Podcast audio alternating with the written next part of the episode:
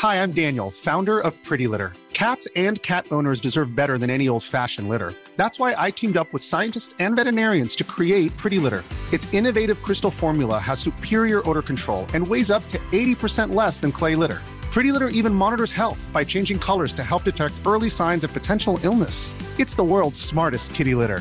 Go to prettylitter.com and use code ACAST for 20% off your first order and a free cat toy. Terms and conditions apply. See site for details.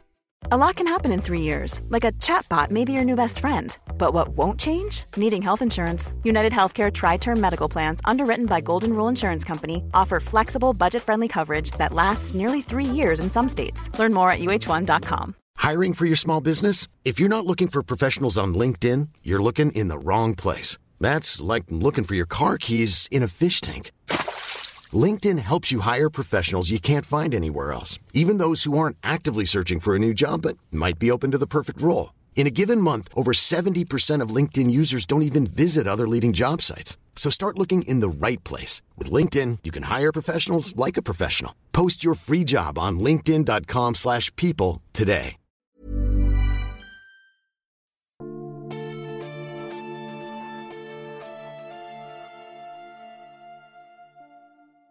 Välkomna till Sagan om Isfolket-podden, avsnitt 8, Bödens dotter. Jag heter Dan och med mig har jag Anna. Anna, vet du vad? Nej, vadå? Bonden Andreas Lind av Isfolket hittat fyra döda kvinnor på sin åker. Fyra döda kvinnor? Ja, det här måste vi utreda. Ja, det här är inte okej. Hur hittade han dem? Vad hände? Han skulle ploga där, han hittade en liten ny åkerlapp och sen, eh, sen var det en massa lik. Några hade, två hade legat över vintern och två var färskare. Men vänta nu, hade han... Var det Gråstensholms åker? Eller var det ju- Eller var det någon ja, det var annan? Lindalens nya åker som han skulle fixa. Han gick runt och tittade lite och hittade så ah, här borde jag ha en åker. Åh, det är en dålig sak att gräva upp. Och jag brukar bli rädd när jag hittar dagmask i jorden, men fyra lik är lite värre. Ja, varje gång jag hittar fyra lik i jorden så blir jag jätterädd. Varje gång. Ja, om jag inte har lagt dem där själv förstås. Ja, Men då vet man att de ligger där. precis. Ja, det var där jag la dem. men Andreas visste väl inte om att han hade lagt... För det var inte han som hade lagt dem där. Nej, han säger själv att det vore dumt att misstänka honom för han skulle inte gräva upp sina egna lik. Ja, men vem sa han det till? Han sa det till äh, utredningsstyrkan som anländer för här är det deckarbete på hög nivå.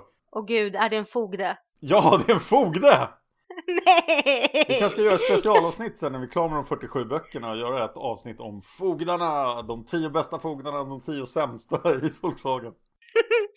Och så, nu blir jag lite så här, förlåt, jag utgår från att det här är en dålig fogde, men i Spökrådet hade vi faktiskt en väldigt vettig fogde. Så är det här en bra fogde? Nej, vi ska prata ganska mycket om den här fogden, men fogden från spökslottet hade gjort ett bättre jobb. Aj då. Ja, och det är massa isfolk där också. Eh, Faktum är att Andreas var upptagen med att göra exposition över isfolksagan och berätta om alla och hur de mådde och sådär. För sig själv när han hittar de här kropparna. Oj, oj. Ja, just det. Mattias är ju läkare, allting går bra. Kalev och Gabriella mår ju bra på Elistrand och allting är vackert. Ja, och Eli är 16 och hjälper till med de fem fosterbarnen.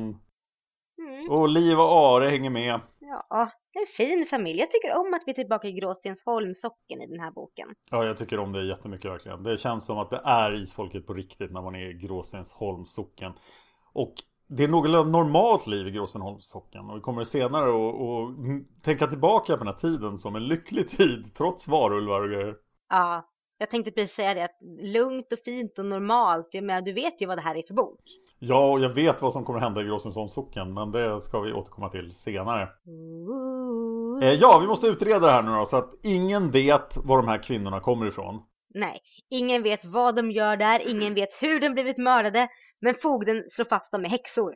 Ja, och eh, de har någon, eh, det var någon trolldomsknut som låg där som var något primitivt. Ja, något snöre med knutar. Seriöst, alltså alla har ju snören med sig. Med knutar. Okej, kanske inte med knutar, men snören. Jag har alltid med mig mitt häxknut ifall någonting skulle hända. Ja, men det är ju du. Faktum är att jag brukar ha häxknutar på min eh, iPod. De uppstår av sig själva, jag vet inte hur det går till. Häxknutar Ja, på din iPod. ja det här snöret vet man går omkring med liksom. Så är det aldrig riktigt utrett utan det alltid blir en massa konstiga knutar på den. Ah, okej. Jag tror att det är trolldom inblandad.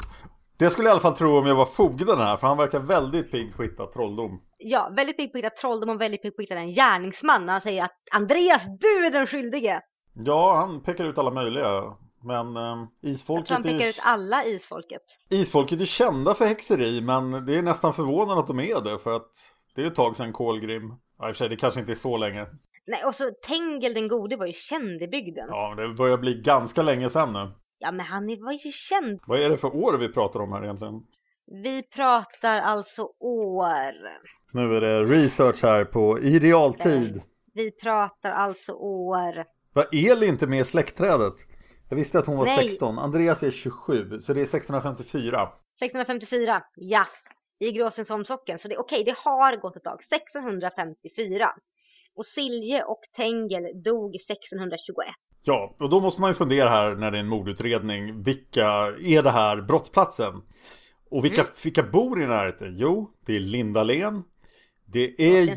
Jesper. Ja, det låg väl närmare Lindalen än Gråstensholm, jag förstod. Så var det ja. Och sen bor ju Jesper där i sitt lilla torp. Jesper, Klaus son ja. Ja, där han på något magiskt sätt springer runt och förför en massa jungfrur när han är 47. Blä. Jag undrar lite grann, för jag menar Klaus, både Klaus och Rosa har ju dött av. Ja, Och Jesper som säger bor där och raggar tjejer. Och det är ingen som håller koll på att han inte typ klättrar in och föns hos unga flickor och typ säger ligg med mig, jag är kåt och jätteful och gammal. Ja, han verkar ju inte liksom ha någon vidare förförelseteknik heller, så jag undrar verkligen hur det här går till. Jag skulle misstänka honom för häxeri.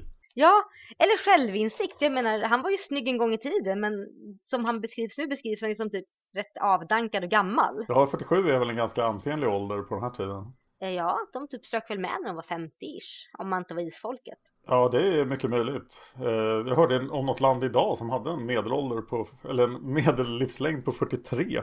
43? Ja, Åh, herregud. det var nog Chad var det. Såklart det var Chad, Ja. detta fantastiska land. Ja, vi ser, det här är inte en podcast om Chad, så vi går vidare. Vi har mycket att säga om det land. Eh, ja, eh, sen, men sen finns det ett hus till. Och vem bor där? Det är böden! Eller vänta, det är inte böden. Om du tittar på titeln på boken och baksidan på boken så är det böden. Så är det böden. Men om man öppnar boken och kollar på sidan ett så ser man att det är rackaren eller nattmannen som bor där. Ja, det var inte alla titlar han hade. Bödens medhjälpare, rackaren, bödelknäkten, rackarknäkten, märraflåren, det var intressant, och nattmannen. Ja. Så det är allting förutom böden. Så vi kan ju konstatera att boken borde heta Nattmannens dotter. Vilket hade varit Ja. en mycket mer sandemoisk titel tycker jag. Eller märraflårens dotter.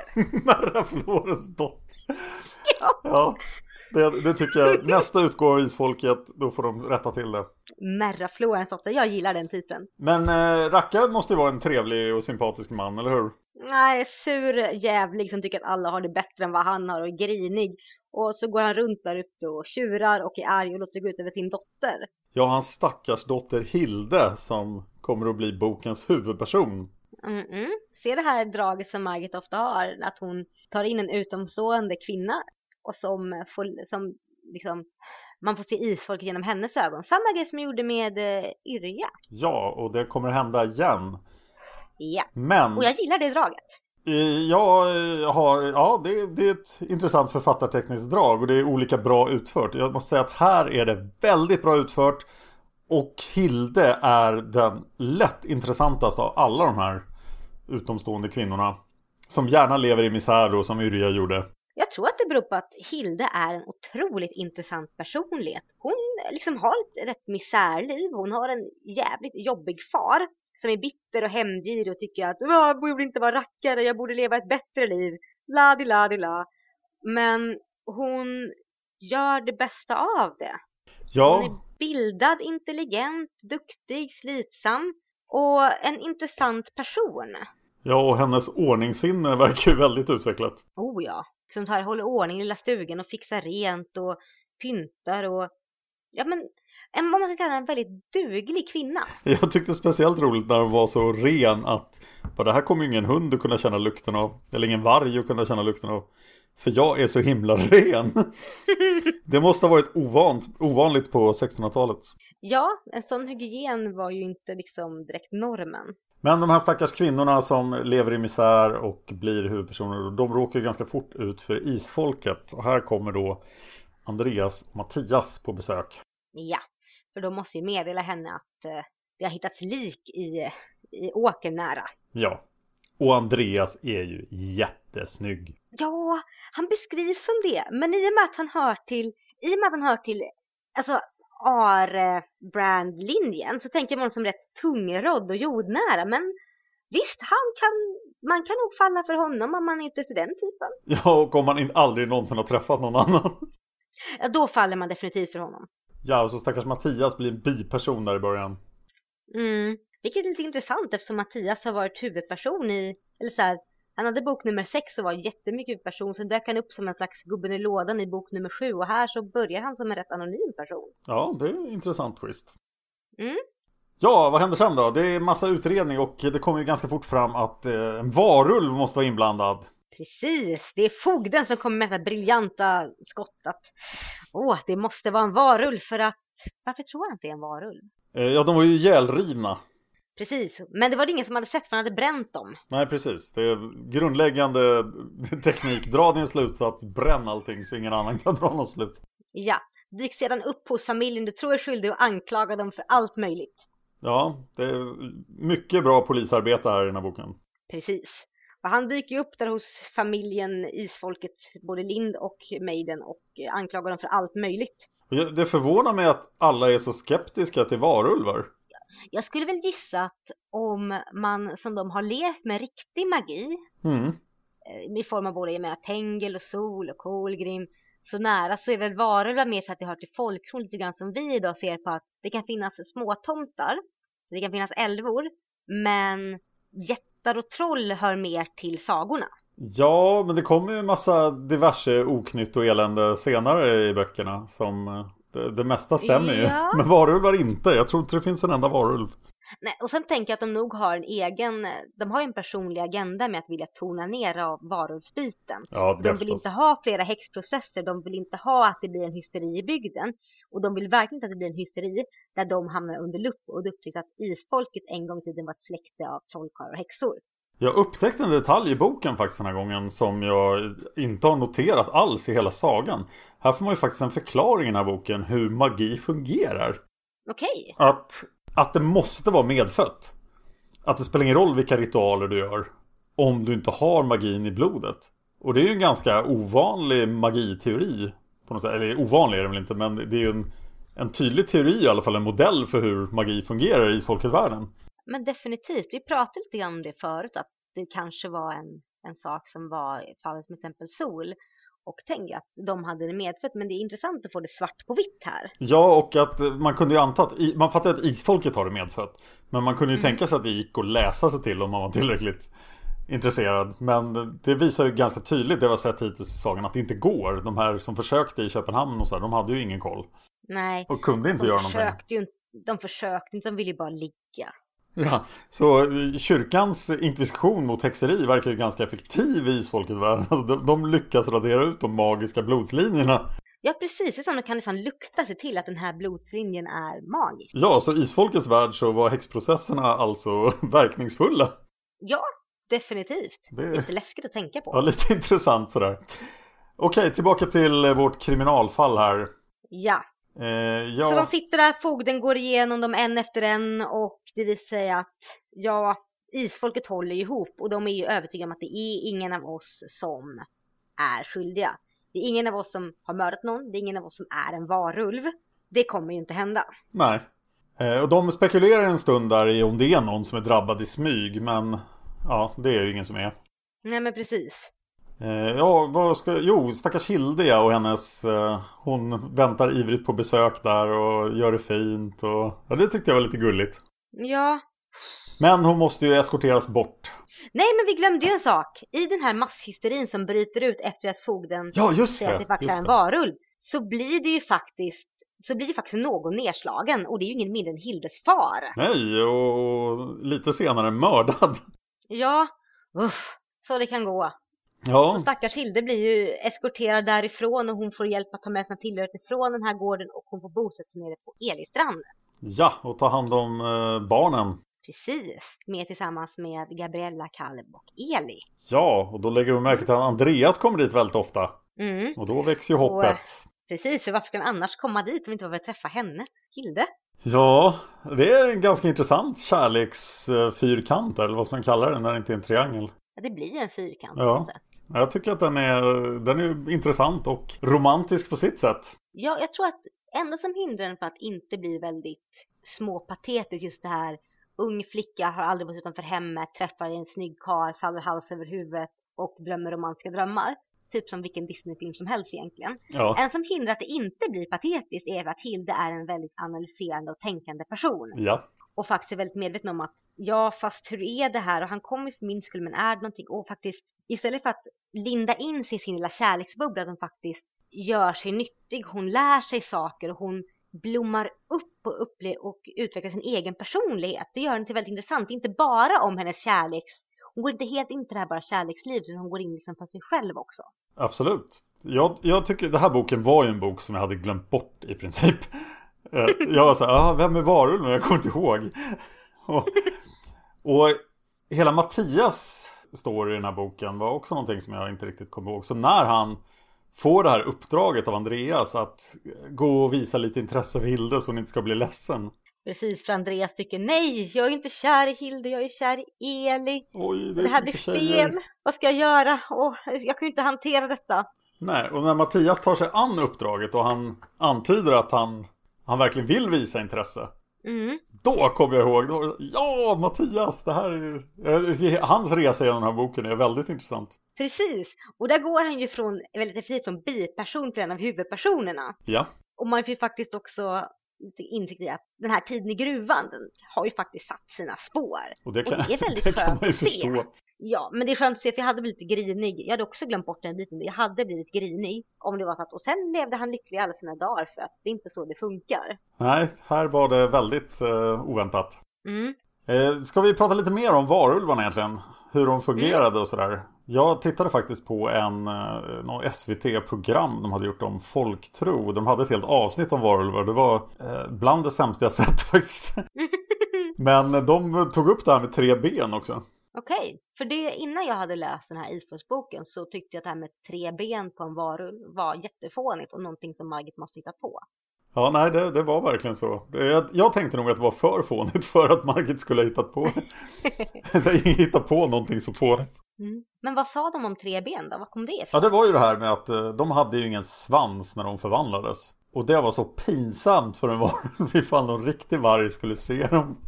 Så att de var tvungna att hålla upp ett ben bakåt och låtsas att det var en svans. Och då springa på tre ben. Alltså man märker ju hur mänsklighetens fåfänga bara spelar in på folktron här. För att jag har svårt att tro att en varg skulle tycka det var lite pinsamt för andra vargar om man inte hade svans. Mm, jag är en jätteläskig varulv men tänk om någon annan varg ser mig så fattar de att jag inte har någon svans. Då kommer de att skratta åt mig.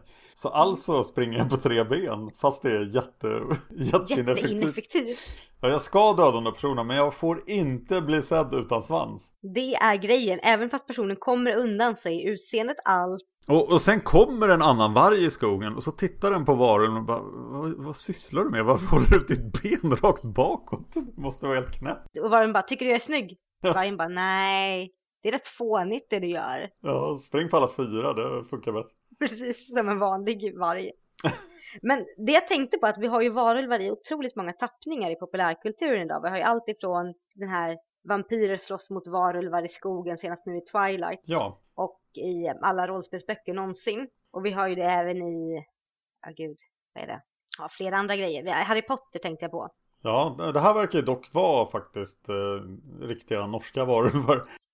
Precis. Det här är ju inte några övermonster utan det här är ju en man som blir varg. Alltså det är ju norska varven. Och, men en, en detalj faktiskt hade, var fel för att det här med fullmånen det är väldigt sydeuropeiskt. Det är det. Ja, utan de, de nordiska varulvarna de kunde förvandla sig eh, när som helst. Eh, om man var tillräckligt långt norrut i Sverige då kunde man förvandla sig av egen vilja. Och Oj. om man var i södra Sverige eller då i Norge så förvandlades man mot sin vilja. Men vid slumpmässiga tidpunkter och alltid på natten förstås. Men Åh, gud vad jobbigt. det hade ingen koppling till fullmånen. Gud vad jobbigt. Alltså så här, om man var alltså i norra Sverige, Ja, då var det frivilligt att bli varulv. ja då, var, då var varulvarna människor som var onda och ville, ville vara varulvar. Och man kunde förvandla sig till en varulv. Man kunde bli en varulv. Eh, Okej, gen- hur då? Jo, det man gjorde var att man tog sitt skärp Mm. Och så knöt man det så, så brett man kunde då och hade det inte på sig. Och sen kröp man igenom skärpet. Och då blir... Kröp igenom skärpet? Ja, och då blev man en varulv. Så att man liksom kröp igenom skärpet en gång. Spännande. Ja, så det, det verkar ganska lätt att bli varulv faktiskt. Så om någon av våra Ja. lyssnare kan prova det och sen rapportera om de blir en varulv eller inte så skulle det vara väldigt Gärna bra. via mail eller telefon, vi vill inte se det. Nej, inga personliga besök. Och det är för vetenskapen där. Mm. Men det här med att då de, om man var i södra Sverige eller då i Norge, att det var, det känns som det är mer av en förbannelse att man inte styr det. Ja, det var, det var definitivt något band. Och det var någonting jag tror man fick på sig av eh, trollkunniga då som tyckte att nu har det varit dumt, nu ska det bli varulv. Men varulvar är ju jättefarliga. Ja, så att det var förmodligen Vem vill förvandla sin fiende till något Ja, det jättefarligt? var förmodligen någonting man gjorde precis innan man lämnade orten. ja men lite så. Där, du där, du får bli varulv och terrorisera den här orten. Och jag drar nu så har det Ja. köpt. Men det jag tänkte på är liksom, eh, om jag går tillbaka till populärkulturen. Då har vi alltså i norra Sverige så lever alltså Twilight-varulvarna som förvandlar sig på egen vilja. Fast Twilight-vampyrerna är ju, Twilight-varulvarna är ju goda. Ja, nej, det, de är ganska lika Twilight-varulvar förutom att de är Mm. elakare. Och i södra Sverige och i Norge har vi alltså Harry Potter-vampyr, Harry Potter-varulvarna. Ja, som då är varulvar mot sin vilja. Men inte vid fullmåne, det här kan hända när som helst. ja. Så alltså du kan ligga och sova med din älskade och plötsligt vakna och bara nej, fan du har blivit en varulv igen, vad jobbigt. Det kanske är som Hulk ungefär, att när man blir arg eller något. Eller man är med om något dramatiskt så blir man varulv på natten. Den är ju jätteintressant. Ja, jag slår att det finns ganska många av våra lyssnare som vet mer om varulvar än vad vi vet efter vår, Ja. vår omfattande research. Så vet ni någonting om varulvar som vi behöver veta så meddela oss det i kommentarerna. Ja, det är jättekul.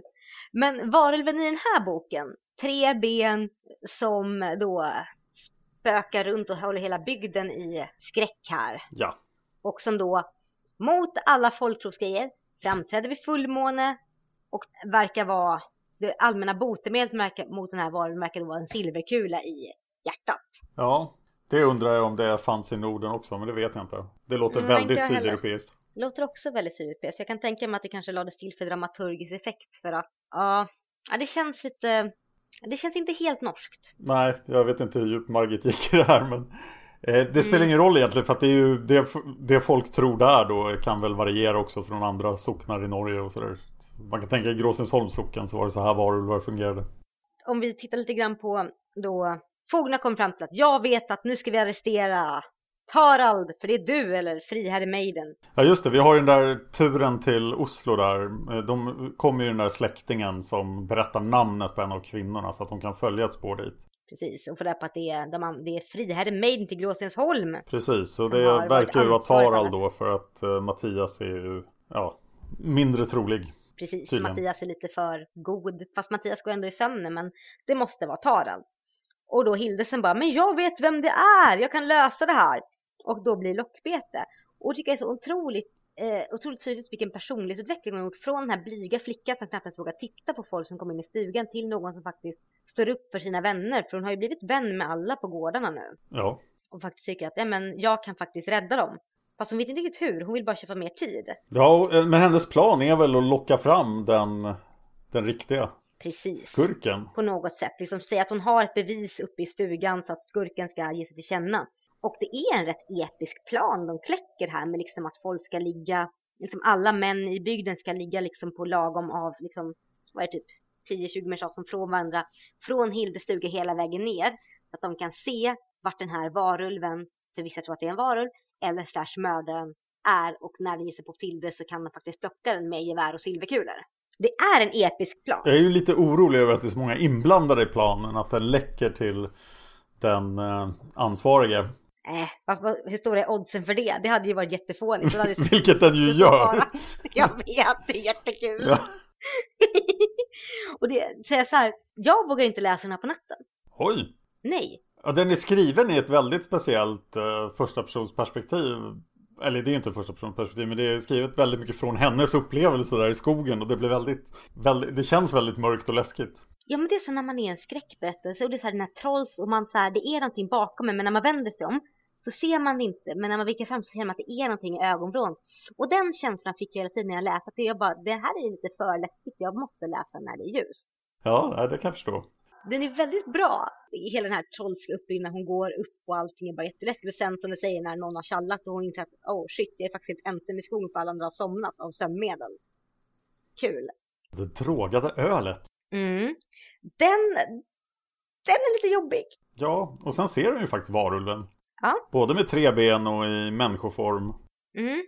Och då funderar jag på det här att, för då har vi ju varulven både i, som du säger, vargform och i människoform men ändå med varulvs, eller så här vargdrag. Och här är ju faktiskt Hilde så ren att den trebenta varulven tappar bort henne.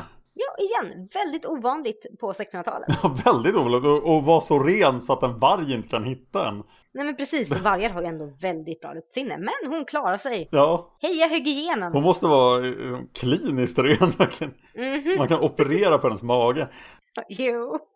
Ja, det passar ju med tanke på vem hon blir ihop med sen. Ja, det är jättebra. Ja, vi har rent operationsbord. Hilde.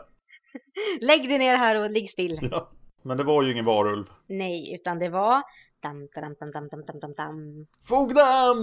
Oh, gasp! Vilken överraskning! Ja. Det var faktiskt ingen överraskning. Nej, de hade ju avslöjat honom ganska bra där med den, hans konstiga husföreståndarinna som av- berättade allting. Precis, ja, men han har en hund som man tvingar att springa med ett bakbundet. Och så har han en vissla som man kallar på den och vet inte varför han gör det. Man bara, mm, det här är misstänkt. Är ganska misstänkt. Ja, och liksom så här, även fast det gjordes någon slags halvvetat försök att plantera Jesper som en ond antagonist så funkar inte det för Jesper är så, ja men Jesper är som Klaus fast bara lite mer korkad. Ja, och tydligen lite attraktivare på något konstigt sätt. Mm. Jag minns att du faktiskt, vi pratade om det här förra gången Jesper dök upp att Jesper var som Klaus men lite smartare. Och du inte alls höll med men jag tyckte att jo men det var han väl. Och här så känns det som att han hade gått tillbaka igen. Ja, det stod ju faktiskt i tidigare böcker att så här, men Klaus och Rosas barn, de var minsann inte så korkade som Klaus. Men han är ju precis lika kork. Ja, precis. Och han tycker så att jag kan förföra kvinnor, vilket innebär att jag står och jag släpper byxorna och berättar om alla hjältar och gör i Tyskland och tror att flickan ska slänga sig även och säga ta mig jag i våren. Ja, och det konstiga är att det där verkar ha fungerat då. Det, det stör mig oändligt. Det stör mig jättemycket och det är så här, hur? Ja, Och vi är också i en tidsålder där folk är väldigt prydade detta med jungfrudom och att rent är väl att vara en viktig sak. Men när någon släpper byxorna och säger ligg med mig för jag har varit i Tyskland och slagit, då är det ja! ja då är det okej. Jag, jag tror inte att det, jag, jag, jag blir lite kränkt över att det kan gå så lätt till. Särskilt för Jesper som uppenbarligen inte så här, men vad pratar vi med en sån kille med efter det är över? För att han har ju typ en hjärncell. Ja, det är högst. Nej, jag är jättekränkt. Ja, sen blir det ett eh, spännande gisslandrama där som får en, eh, en bra upplösning. Ja men precis.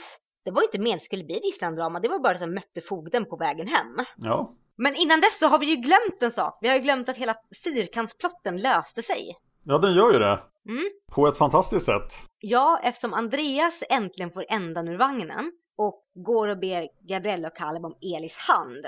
Och Eli faktiskt är kär i honom. Ja, den delen var den lättlösta delen av kärleksfyrkanten. Precis, nu ska ju bara Mattias och Hilde hitta till varandra. Ja, det är ju inte lika lätt då, för när man har varit instängd i en grotta i två år så blir man impotent tydligen. Tydligen, och sover inte och vet inte vad man gör och ja, är världens godaste människa men det kanske inte funkar. Mm, han hittade ju rätt kvinna, för hon är ju beredd att ta sig an det.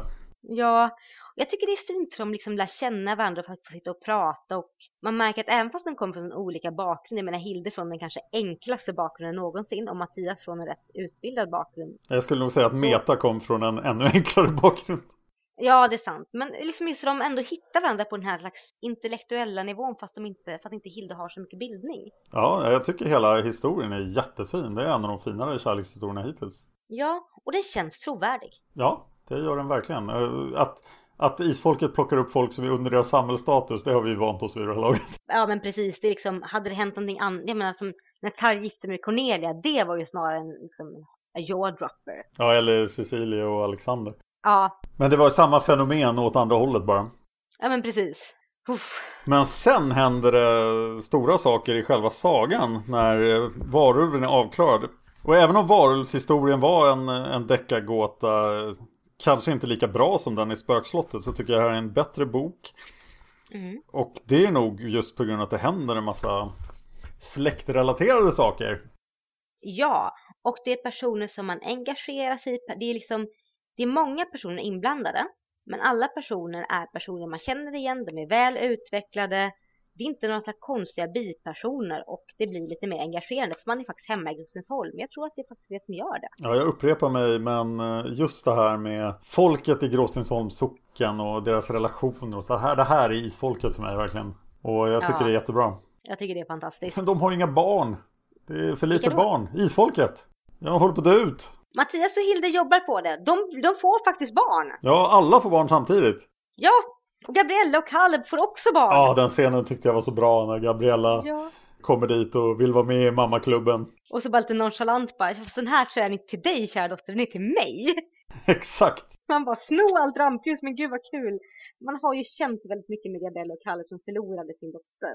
Ja, och av de här barnen som föds här, Mattias och Hilde får Irmelin. Andreas och Eli får Niklas. Ja, och Gabriella och Caleb får Villemo. Mhm. Så kommer ju Villemo vara en av de eh, riktigt stora i sagan. Hon, hon, Oh, är, ja. ja. hon är verkligen en huvudperson i den här berättelsen. Ja, det är lite så här, vi har ju haft liksom efter Tengil Sillis tog i solen, men sen har det varit fokus på enskilda, men med Villemo så inleds sån här att många böcker viks åt en person. Ja, vi har ju faktiskt haft eh, ja, några personer har tagit huvudrollen i varje bok sen Sol dog. Precis. Men det kommer vi snart att sluta med. Inte riktigt i nästa bok, men väldigt snart så kommer Villemo att ta över de här böckerna. Japp. Och det kommer vi att säga ganska mycket om, så att det är tillräckligt att säga så nu tror jag. Vi får också Ja. besked om eh, den ensamme, den försvunne. Ja! Mikael. Mikael! Och det är så kul för det är nästan samma, när den här boken slutar ser vi på nästan samma ställe, lite senare, som vi lämnade i, i, i spökslottet. Ja, för där får vi också hint om Mikael. Ja, var är han? för där är det ju, där är ju Tankred som träffar Mikael och här får ju Are brev av Tankred att han har träffat Mikael. Och det är en så, så fin stund. Men han är ju så ensam. Ja, och Tankred är så slarvig. ja, Tankred. Bara så här, va? Jag visste inte vad han, jag glömde fråga vart han bodde. Eller vart han höll till. Man bara, ja. Du hade ett jobb Tankred. Ett ja. jobb. Han bara, If you thought the only way to get a more defined jawline with natural looking results was through surgery, think again. Juvederm Volux XC is a non surgical injectable gel filler that improves moderate to severe loss of jawline definition and can help you achieve natural looking results with little downtime. Even better, this improved definition lasts up to one year with optimal treatment. No maintenance required. Improve jawline definition for a smooth, sculpted look with Juvederm Volux XC. For important safety information and to find a licensed specialist, visit juvederm.com. That's J U V E D E R M.com. Not for people with severe allergic reactions, allergies to lidocaine, or the proteins used in Juvederm. Common side effects include injection site redness, swelling, pain, tenderness, firmness, lumps, bumps, bruising, discoloration, or itching. There's a risk of unintentional injection into a blood vessel, which can cause vision abnormalities, blindness, stroke, temporary scabs, or scarring. Talk to a licensed specialist to find out if it's right for you. Ready to pop the question? The jewelers at BlueNile.com have got sparkle down to a science with beautiful lab grown diamonds worthy of your most brilliant moments. Their lab grown diamonds are independently graded and guaranteed identical to natural diamonds, and they're ready to ship to your door. Go to BlueNile.com and use promo code LISTEN to get $50 off your purchase of $500 or more. That's code LISTEN at BlueNile.com for $50 off. BlueNile.com code LISTEN. Hey Dave, Yeah, Randy. since we founded Bombus, we've always said our socks, underwear, and t shirts are super soft. Any new ideas? Maybe sublimely soft. Or disgustingly cozy? Wait, what? I got it, Bombus. Absurdly comfortable essentials for yourself And for those facing homelessness. because one purchased equals one donated. Wow, did we just write an ad? Yes. Bombas. Big comfort for everyone. Go to bombas.com slash ACAST and use code ACAST for 20% off your first purchase. kul att ses, vi hörs! Ja, vad fan kul. Det är inte som att ni hittar varandra på Facebook. Nej. Ja, det är som hittar Mm. varandra på Facebook glömmer att skicka friend request. Och sen försvinner sökmotorn. Dålig stämning.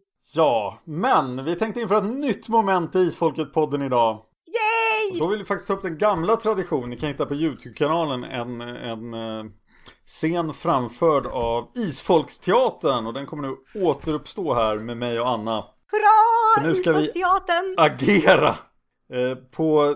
Jag har ytterligare filmer från den gamla Isfolksteatern som jag inte lagt ut på YouTube, men jag vet inte om jag vågar göra det. Jag, det var, fanns en orsak att de inte lades upp. Ja, Fylla kan ha varit en av dem. Ah, kanske den där andra podcasten vi pratar om. Just det, den ja. Ja, så nu kommer vi att agera sid 250 i Bödens dotter. Eller i Merraflårens dotter. ja. Och jag kommer att spela Are, Isfolkets patriark. Och jag kommer spela Liv, Isfolkets matriark. Ja, och det är du som börjar. Liv och Are lämnade glädjeorgierna en stund och gick in i rummet bredvid där tre barnen låg i rad, mätta och väluppfostrat tystlåtna. De såg länge på de små. Ser du vad jag ser? sa Liv låg. Ja, jag har sett det länge. Detta har aldrig hänt förr. Nej, men jag är egentligen inte rädd. Nej, inte jag heller. Jag, jag tror inte det är av ondo. Det är också min tanke. Tror du föräldrarna anar något? Ingen av dem har nämnt ett ord. Men det är vackra barn. Alla tre. Och mycket olika. Ja, mycket olika. Skulle ha varit roligt att se dem växa upp. Kanske vi gör det. Vi har ju den vanan att bli mycket gamla, vet du. Nej, jag tror inte jag vill det. Man lever till en viss gräns, tar sin mått av livet. Sedan är man nöjd. Jag har bara en enda dröm nu. Jag vet det, bror. Jag vet. Det var det! Säg till om ni vill ha mera isfolksteater. För vi tycker det är jättekul med isfolksteater så vi fortsätter jättegärna med det. Så vi kan göra Ul- Ulf Hedin och Elisa. Eh, ja, absolut. och Shira och Mar. Ja, Men som vi sa, till skillnad från Spökslottet så var ju det här en väldigt enkel deckarstory. Men det var en väldigt bra bok. ja jag blev förvånad igen. Men om Spökslottet var helt felfri så var inte den här så felfri tyvärr. Eh, Nej, vi har tre sidor med fel. Och det är rätt mycket. Ja, ska vi ta oss an dem då? Ja, om vi börjar med den första missen då. Och den har vi redan tagit. Det är att titeln, Ja. Bödens dotter. Hon är inte dotter till Böden. Men det har vi löst. Boken heter numera Merraflorens dotter. Precis. Och sen så går vi ner. Det är Tilda som har skrivit, tror jag här. När jag, hon skriver, när jag letar namn till Irmelin innan hon var född så kikade jag i namnböcker. Och så bland annat att Irmelin inte kom till Norden förrän 1800-talet. Jag tror till- och med det var sent 1800-tal. Ja, det är ett tyskt namn som betyder liten Irma. Jag tyckte det lät jättepåhittat namnet. Ja, och de, jag tror Margit skriver till och med vad de, var, varför det blir så för att det var väl, det var det. Hildes mor har hetat Inga och Mattias hette Yrja. Här slog man upp ett enda namn, Irmelin. Men Inga och Yrja, Ingyrja, Yrja, Inga. Det är lite långsökt så att om det är så att namnet är inspiration från det tyska Irmelin så är det, så är det för tidigt. Vi är på 1600-talet i den här boken. Ja, sen kommer då det här med silverkulorna igen faktiskt. Var det någon som hade eh, letat reda på. Oh, mm. Och tydligen är det en Hollywood-grej. Som kom på 1900-talet. oj. Oj, Från Hollywood. ja. Åh, pinsamt. Det är ungefär lika äkta som eh, julafton. Ja, precis. Ja, men då har vi rätt ut det. Då har vi inte belägg för silverkur eller någonting. utan Det är Hollywood som har stökat till det. Sen kommer ju det här eh, jättejobbiga att gräva i. Släktträden. Ja, de sju generationer av drabbade. Precis, som Liv säger att hon faktiskt har upplevt. Och då säger han att det fanns en annan trollkvinna i Trollhättan samma generation som Hanna. Så där. Men henne träffade jag aldrig, det gjorde bara mamma Silje. Och då är det så att, då är det som tas upp är att Silje träffade faktiskt aldrig den här kvinnan, den trollkvinnan. Man vet att hon har träffat Hanna. Men sen är det frågan huruvida hon har träffat den här andra trollkvinnan. Ja eller nej. ja. Eh, Kom vi fram till om, om Liv hade, ja hon hade ju träffat Hanna. Det hade hon ju. Ja, hon har träffat Hanne, men hon har inte träffat kvinnan nere vid sjön. Men det, när vi scrollar vidare i de här feltrådarna så slår vi faktiskt att Silja har ju sett den här kvinnan. Ja, det hörde vi i en tidigare bok. ja. Men inte riktigt, men det är ju sju generationer, så det går inte ihop det här. Nej, det känns fel. Det känns jättefel. Det blir inte helt, eh, det blir inte helt rätt och det känns som en så här, jag har väldigt mycket överseende med fel i släktträdet. Väldigt mycket. Men nu är vi fortfarande så tidigt i släkten. Att det är väldigt lätt att kolla upp det här. Ja, ty tydligen nämns det i en senare bok också att eh, Silje faktiskt träffade Vega, kvinnan nere vid sjön.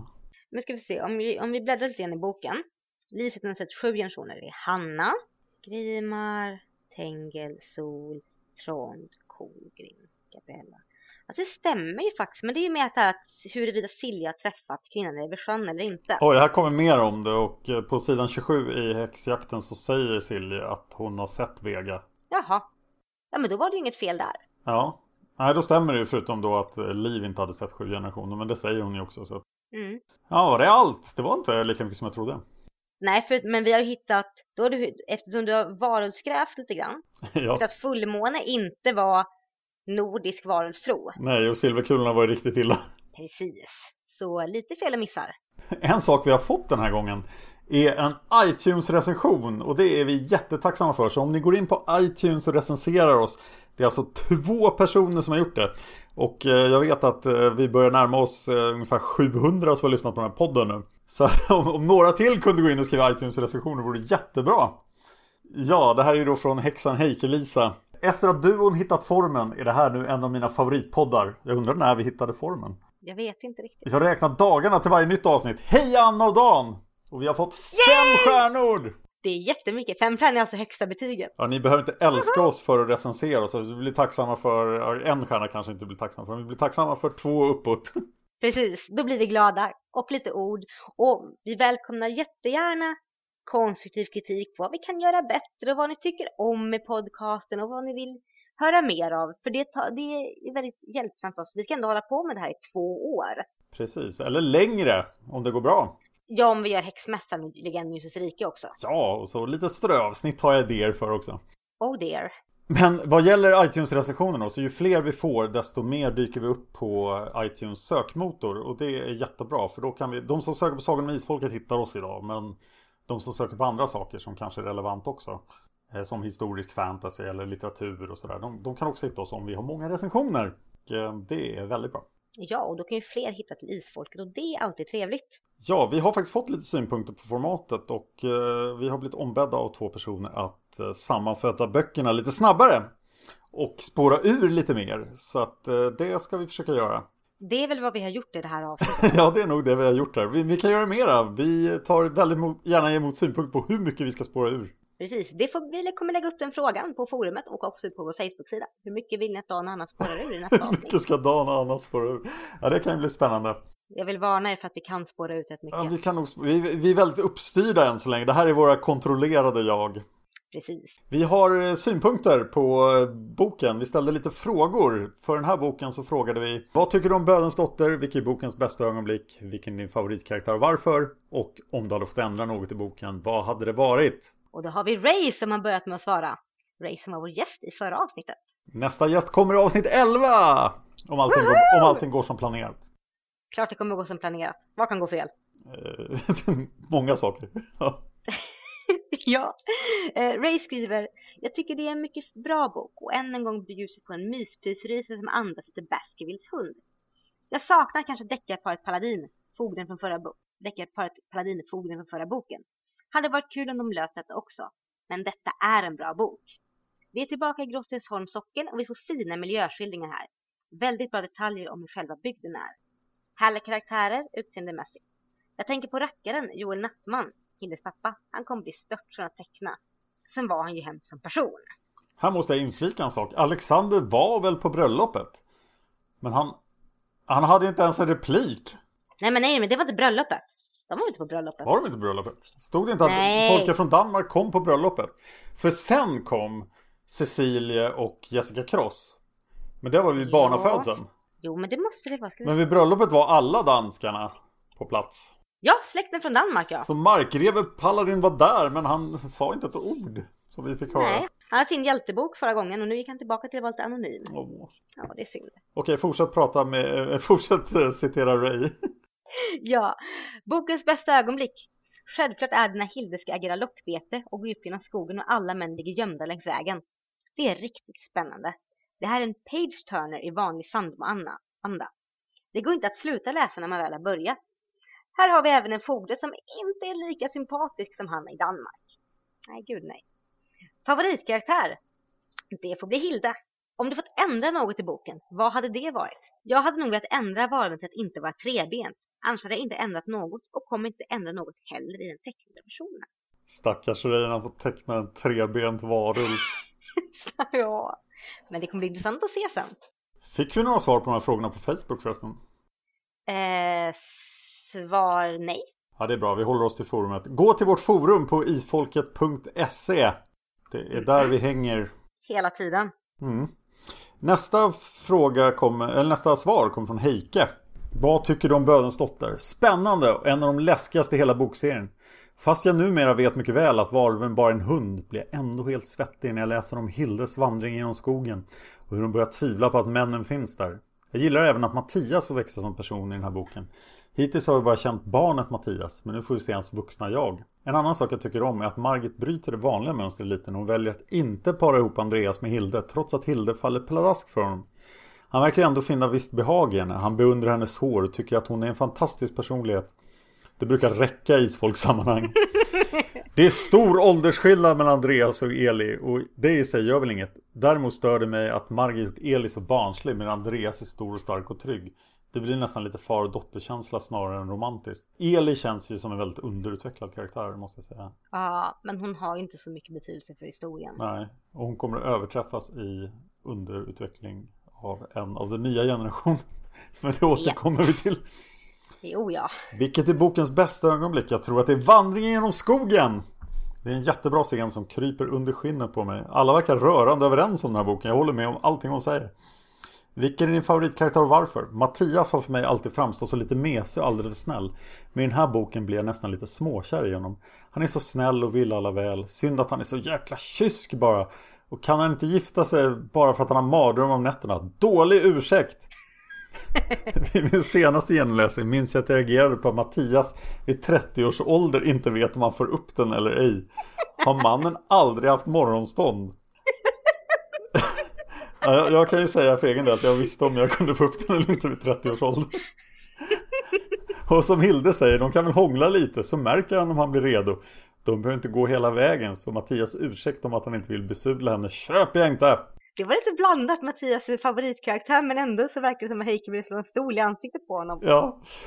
Om du har fått ändra något i boken, vad hade det varit? Jag tycker att Hildes förvandling från folkskygg blygis till stark initiativtagare går för fort. När Andreas hälsar på henne första gången har hon en näsduk framför ansiktet och vågar inte prata. Men bara några dagar senare vågar hon komma med egna förslag i varulvsjakten. Hon har levt isolerad i 30 år men hon kan gå vidare efter några dagar. Själv hade jag nog behövt år i terapi. Ja, det är i och för sig en rimlig synpunkt, men jag tycker nog att det skildras ganska bra ändå. Ja, och med tanke på att Eli är så fruktansvärt anonym. Jag hade inte orkat med två stycken anonyma kvinnor i den här boken. Nej, det hade ju verkligen inte gått. Särskilt inte om en hade varit huvudperson. Nej. Eh, nu har jag lurat dig att läsa norska igen, så varsågod. Ja, det blir kul. Ja, Silja Angrimsdatter svarar Vad tycker du om Bödens dotter? Ja, det är en bra bok som jag tycker var väldigt spännande första gången jag läste den. Bokens bästa ögonblick. Det jag nog gillar allra bäst är familjesammankomsten på Lindalen. Familjesammankomsterna på Lindalen. Speciellt mot slutet av boken, då Are har fått brev från Tankred. Jag gläder mig med Are över att Mikael äntligen är hittad. Läser om Benedikts mosaikfönster och porträttet av Sol, Liv och Dag Are. Det gjorde mig glad. Det är fint att bli minne och bli ett minne av den här tiden i scen som varit och alltid kommer till att vara min favorit. Favoritkaraktär? Jag Tror faktiskt det är Andreas. Vet inte varför, men han verkar som en väldigt fin man. Han tillhör också grenen med stora, stadiga, mörka, jordbön och trygga män. Och ett Tengils son son. Mattias är också bra. Om du fått ändra något i boken, vad hade det varit? Jag hade nog gjort Eli lite mer vuxen. Eftersom hon är väldigt barnslig och den rätt hastiga romansen mellan henne och Andreas blir lite märklig. Det är ändå 11 år i åldersskillnad på. Ganska stor, men likväl så är den mindre mellan Silje och Tengel. Med tanke på att Eli på samma ålder som Silje var då hon mötte Tengel borde den varit lite mer mogen för att ett förhållande mellan henne och Andreas skulle verka naturligt. Där, det hade inte jag tänkt på faktiskt, att det är, det är samma åldersskillnad mellan Eli och Andreas som mellan Silje och Tengel. Nej, det är Eli i samma ålder som Silje, men Tengel var äldre än Andreas. Ah, okej. Okay. Mm. Eh, ja, men det kan man väl hålla med om. Mm. Men det finns väl någon poäng med det. Det gör nog det. Eli har ju levt, om man tänker så här, Eli har ju ändå levt, hon levde större delen av sitt liv som en slags, som en slav. Ja, hon var väl ganska liten när hon kom till Gråstensholm. Ja, men inte så liten. Var hon tio eller? Ja, jag tror knappt, jag tror det. Ja, nej, då har hon ju traumatiserats rätt bra. Precis, så det är inte konstigt att hon är liksom, går in för den här tysta, försynta men ändå rätt harmoniska varelsen. Men jag tror inte man blir så framfusen när man levt tio år i misär och fattigdom och som slav. Nej, jag har till och med glömt hennes bakgrundshistoria redan fast det var en bok. Mattias och Kaleb hämtade upp henne hos någon det var väl hennes farfar som sa att hon kanske får illa hos någon bondmora. Ja just det, det var hon ja. Henne och ja. Så, ja, och så hade hon ett på att svälta Eli för att hon inte ville ge någon mat. Stackars Eli. Ja, misär. Men hon fick ju det bra nu i den här boken. Ja. Eh, jag vill också att ni går in och ger betyg på den här boken på forumet. Forumet finns på isfolket.se. Bara klicka på forum. För vi håller på med en stor omröstning på alla böcker. Så vi vill ha betyg 1 till 10 på varje bok. Den ska vi sammanställa när vi är klar med alla 47. Det vill säga någon gång 2017 då. Ja, men då kommer det bli kul. Och vi vill också puffa lite extra för att det faktiskt är november nu och snart är det ett nytt år och då är vi på Gotcon. Och då kommer vi sända avsnitt 17, Dödens trädgård, live. Hoppas ni kommer dit, det är Göteborg. Ja, det ska bli spännande. Det kommer bli jättespännande, särskilt om vi fortsätter få uppmuntran att vi ska fortsätta balla ur lite grann. Det, där kan vi nog balla ur hur mycket som helst. Men kul kommer det bli. Jag råkar veta en sak om det, Anna. Du har varit aktiv i Sverok. Ja, det är jag faktiskt. Ja, och Sverok som tidigare har mest haft att göra med föreningar som sysslar med rollspel och konfliktspel och live och ja, allt möjligt. Mm. Är numera även ett riksförbund för fandomföreningar. Ja, det som vi kallar fantastik. Ja, och på 90-talet och fram till kanske 2003 fanns det ett gäng isfolksföreningar Eh, jag var väldigt aktiv i dem, jag tyckte det var jättekul. Eh, det var, vi var uppemot 100 medlemmar i Svenska Isfolksföreningen som väl var den största. Eller åtminstone den som var aktivast längst. Eh, jag var med i alla isfolksföreningar jag kunde hitta. I, jag var med i en isfolksförening i Polen, jag var med i en isfolksförening i Norge. Nu har, i och med att Sverok har tagit det initiativet då, så har jag och flera andra isfolksaktiva blivit tillfrågade då om det kanske är dags att bilda en isfolksförening igen. Och det försiggår en diskussion just nu om det i forumets Facebookgrupp. Så att jag kommer länka in den diskussionen i, till det här avsnittet. Och om ni känner att ni vill vara med i en isfolksförening eller om ni till och med känner att ni vill engagera er och dra igång den här isfolksföreningen. Så gå till den tråden och lämna era synpunkter. Vad vi gjorde då i Svenska Isfolksföreningen, vi, vi hade enorm tur då för att den bildades eh, väldigt tidigt och Margit var inblandad från första början då, så Margit besökte oss flera gånger. Och jag gick med en vecka innan Margit skulle fylla jämnt. Eh, och då fick jag reda på, på första mötet jag gick på, att Margit hade bjudit samtliga medlemmar i föreningen på flyg till Valdres i Norge och en två dagars jättefest med uppemot ja, 300-400 gäster. Du skojar, bjöd er på det? Ja, och hotell då under den här tiden då. Mot att vi kom med våra isfolksdräkter. Så jag gled runt på en fantastiskt stor fest. Norsk media var där, det var en massa norska kändisar. Och jag var då under hela den här festen världens vackraste man. Så det var, det var väldigt trevligt.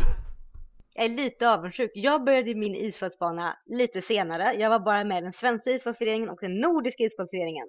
Men det var ju fantastiskt kul det också. Med massa roliga middagar där vi lagade mat, massa levande rollspel, massor med bokträffar, massor med så här, vi var på museer och pratade om isfolket och berättade om kläderna. Det var fantastiskt roligt. Så även fast jag sitter med i Sverok och är väldigt partisk i att man alla borde starta en förening så personligen tycker jag att jag startar en isfolksförening. För guds skull är intresserade så häng på. Vi är med! Ja, det är någonting av det roligaste man kan göra att vara med i en isfolksförening. Det har gett mig så mycket roligt. Utan isfolksföreningen hade jag aldrig börjat med live, jag hade aldrig börjat med brädspel, aldrig börjat med rollspel, aldrig hamnat i Sverok. Jag tänkte gör, att vi skulle göra ett avsnitt bara om isfolksföreningar senare. Då hoppas jag att vi kan göra det om den här nybildade föreningen då. Men jag måste berätta några till konstiga saker som hände på Isfolksföreningen. Eh, vi hade en tipspromenad om isfolket. Och på vårat, eh, vår årsfest, vi hade en stor fest varje år. Och på just den här årsfesten så kom Margit tillsammans med sin man Asbjörn och eh, två andra. Eh, en, en annan norsk författare och en till människa som inte kommer ihåg vem det var faktiskt. Men då vi hade en tipspromenad om isfolket. Och Margit blev då tvingad att gå den här tipspromenaden. Och hon kom sist. För det här var ju ett antal år... Ja, det var ett antal år efter att hon skrivit Isfolket. Och vi var alla fanatiska fans. Så hon hade minst rätt av alla närvarande på tipspromenaden. Åh, oh, vad awkward, vad jobbigt. Ja, men hon, eh, hon förvarnade oss om det innan. Och jag kan ju tänka mig att om man har skrivit då åtta böcker om året efter det så var hon kanske uppe i ja, 60-80 böcker sen hon skrev Isfolket. Så att hon hade en del annat i huvudet. Jag kan tänka mig att Margit som verkar vara en sån fantastisk person bara tog det med en klackspark och skrattade. Men det största egna initiativet vi tog i Svenska Isfolksföreningen var att vi åkte vi var 24 personer i tre minibussar som åkte en vecka upp i norska fjällen till ett ställe som heter Slangensäter. Det är en hästgård. Och eh, där i riktig så här norsk isfolksmiljö så hängde vi där och hade jättekul den veckan. Eh, och jag arrangerade ett live Som isfolkstema. Vi hade massor av isfolkslive också. De, eh, de var så roliga så vi blev tvungna att ta ner. Jag hade, jag hade för vana att skriva live-rapporter om live och på att berätta vad som hade hänt. Då. Men jag blev ombedd att plocka bort de här från internet. För att det gav en felaktig bild av föreningen. de, de, de spårade ur rätt bra de här liven men de var fantastiskt roliga. De kanske var milda för den tiden. Jag tror idag hade de fått ligga kvar. Eh, nej, idag hade de okay. definitivt inte fått ligga kvar. Då kanske de hade legat kvar, för då var det vanligt med, med sådana live-rapporter. Men idag hade de verkligen aldrig kommit upp på nätet kan jag säga. Ja, och där, dit kom även Margit en dag då och hon tog med oss till uh, den här dalen då som är uh, ursprunget till Isfolkets dal, den som är inspirationen. Oj, vad fräckt. Där hon då vid den tiden hade, fortfarande hade en stuga. Och bredvid den stugan låg en annan stuga som var ett av Norges mest hemsökta hus. Åh, oh, vad trevligt grannställe. Så det, det, var fantastiskt. Det var som att komma då till Tisfolkets dal. Det var fullständigt otroligt. Och jag tror att sådana här saker skulle vi lätt kunna göra i en ny förening. Om vi blir tillräckligt många och folk blir tillräckligt engagerade. Ja, jag tror dessutom om man går in och liksom idag är det mycket lättare att hålla kontakt med mycket lättare att arrangera saker än vad det var på den tiden. För Facebook och internet har gjort allting väldigt mycket lättare. Så jag ser verkligen fram emot att så här, när en förening väl skapas, att göra resor ihop och åka till de här ställena och prata isfolket i flera dygn. Jag har också en fullständig sångbok från Svenska Isfolksföreningen kvar som eh, det har skett tillägg till under tiden då. Men det, det, det kanske vi kan göra ett helt avsnitt om sen. Ja, gud vad fräckt! Det gäller bara att hitta någon som kan sjunga. Kan du sjunga? Jag kan sjunga. Ja, perfekt. Jag kan sjunga stämmor också, så det löser vi. Just inför resan till Slangensäter så la jag till en massa saker i den här sångboken som jag konverterade från så här studentfyllevisor. Så att det finns en del intressanta sånger där. Men det känns som att den skulle passa in på något sätt. Ja, vi gjorde bland annat en sång om slutstriden som eh, gick till Summer of 69. Jag hade sagt att sjung den nu, men vi får inte spoila det avsnittet så det får vi vänta Nej, med. Tills ingen vill höra mig sjunga, kan jag lova. Åh jo, du har några avsnitt på dig att vänja dig vid tanken. Okej, dags att börja ta sånglektioner. Okej, ja. nu har vi spårat ur ganska bra. Ja, men summan kardemumman, Isfolksförening är intresserade så gå in på vår Facebookgrupp här och in på den tråden och skriv jättegärna ett mail till mig eller Dan eller i den gruppen om ni är intresserade av den, om ni har kul idéer eller om ni vill engagera i styrelse och liknande. Ja, ni kan också ställa frågor om isfolksföreningar och sånt på forumet. Jag såg att det hade kommit en tråd om den idén där också. Jag tror att vi är klara för idag då kanske? Ja! Var kan lyssnarna hitta mer av dig Anna? På min Facebook-sida, Setsuna Seras, där jag skriver om allt möjligt och på min Twitter och även på min blogg setsunaseras.blogspot.se och just nu den här vintertiden så hittar man mig nog mest i soffan med tv-spel. Trevligt! Ja, Dan, vad kan man hitta mer av dig? Ja, man kan hitta mer av mig på YouTube där jag drivit ett antal YouTube-kanaler. Den största är Magic Gathering Strat för folk som gillar Magic the Gathering. Yay! Eh, man kan också hitta mig i tre andra podcasts och den största av dem är Fan of History där vi pratar antik historia för närvarande. Men vi ska prata all form av historia. Så nu håller vi på att gå igenom år 1000 till 700 före Kristus. Och nästa vecka ska jag göra ett avsnitt om juridik. Vilka lagar som gällde i Mellanöstern på den här tiden. Och det är ett intressant ämne kan jag säga. eh, det låter lite tråkigt men jag, gissar, jag litar på att du kan göra det väldigt roligt det här. ja, ja, lagen är helt underbara då eftersom det är dödsstraff för allt och man har otroligt så läskiga, läskiga straff för saker. Effektivt. Om man hittar två personer som är otrogna eh, med varandra då, så eh, binder man ihop dem och slänger dem i havet. På riktigt? Ja, det, jag tror det var Koda Asura, den assyriska lagen från 1075 f.Kr. Okej, vi ska inte prata antik historia här. Nej, nu är vi klara. men till nästa gång får ni ha det jätteroligt. Ha det bra allihopa! Hej då!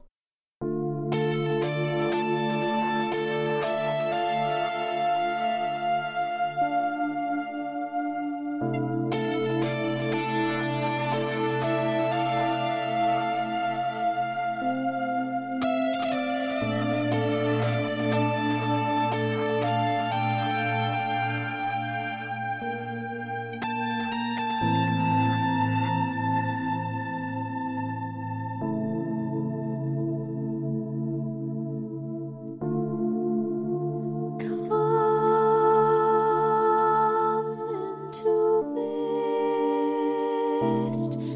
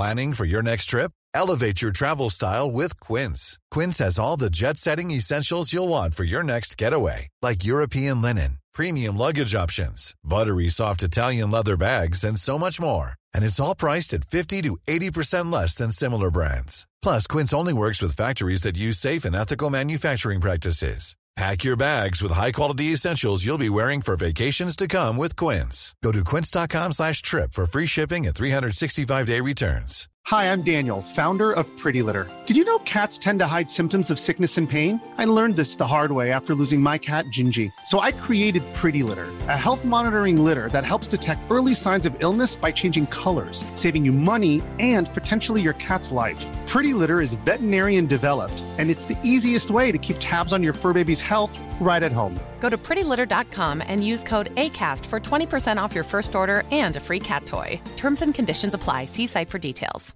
Even when we're on a budget, we still deserve nice things. Quince is a place to scoop up stunning high end goods for 50 to 80% less than similar brands.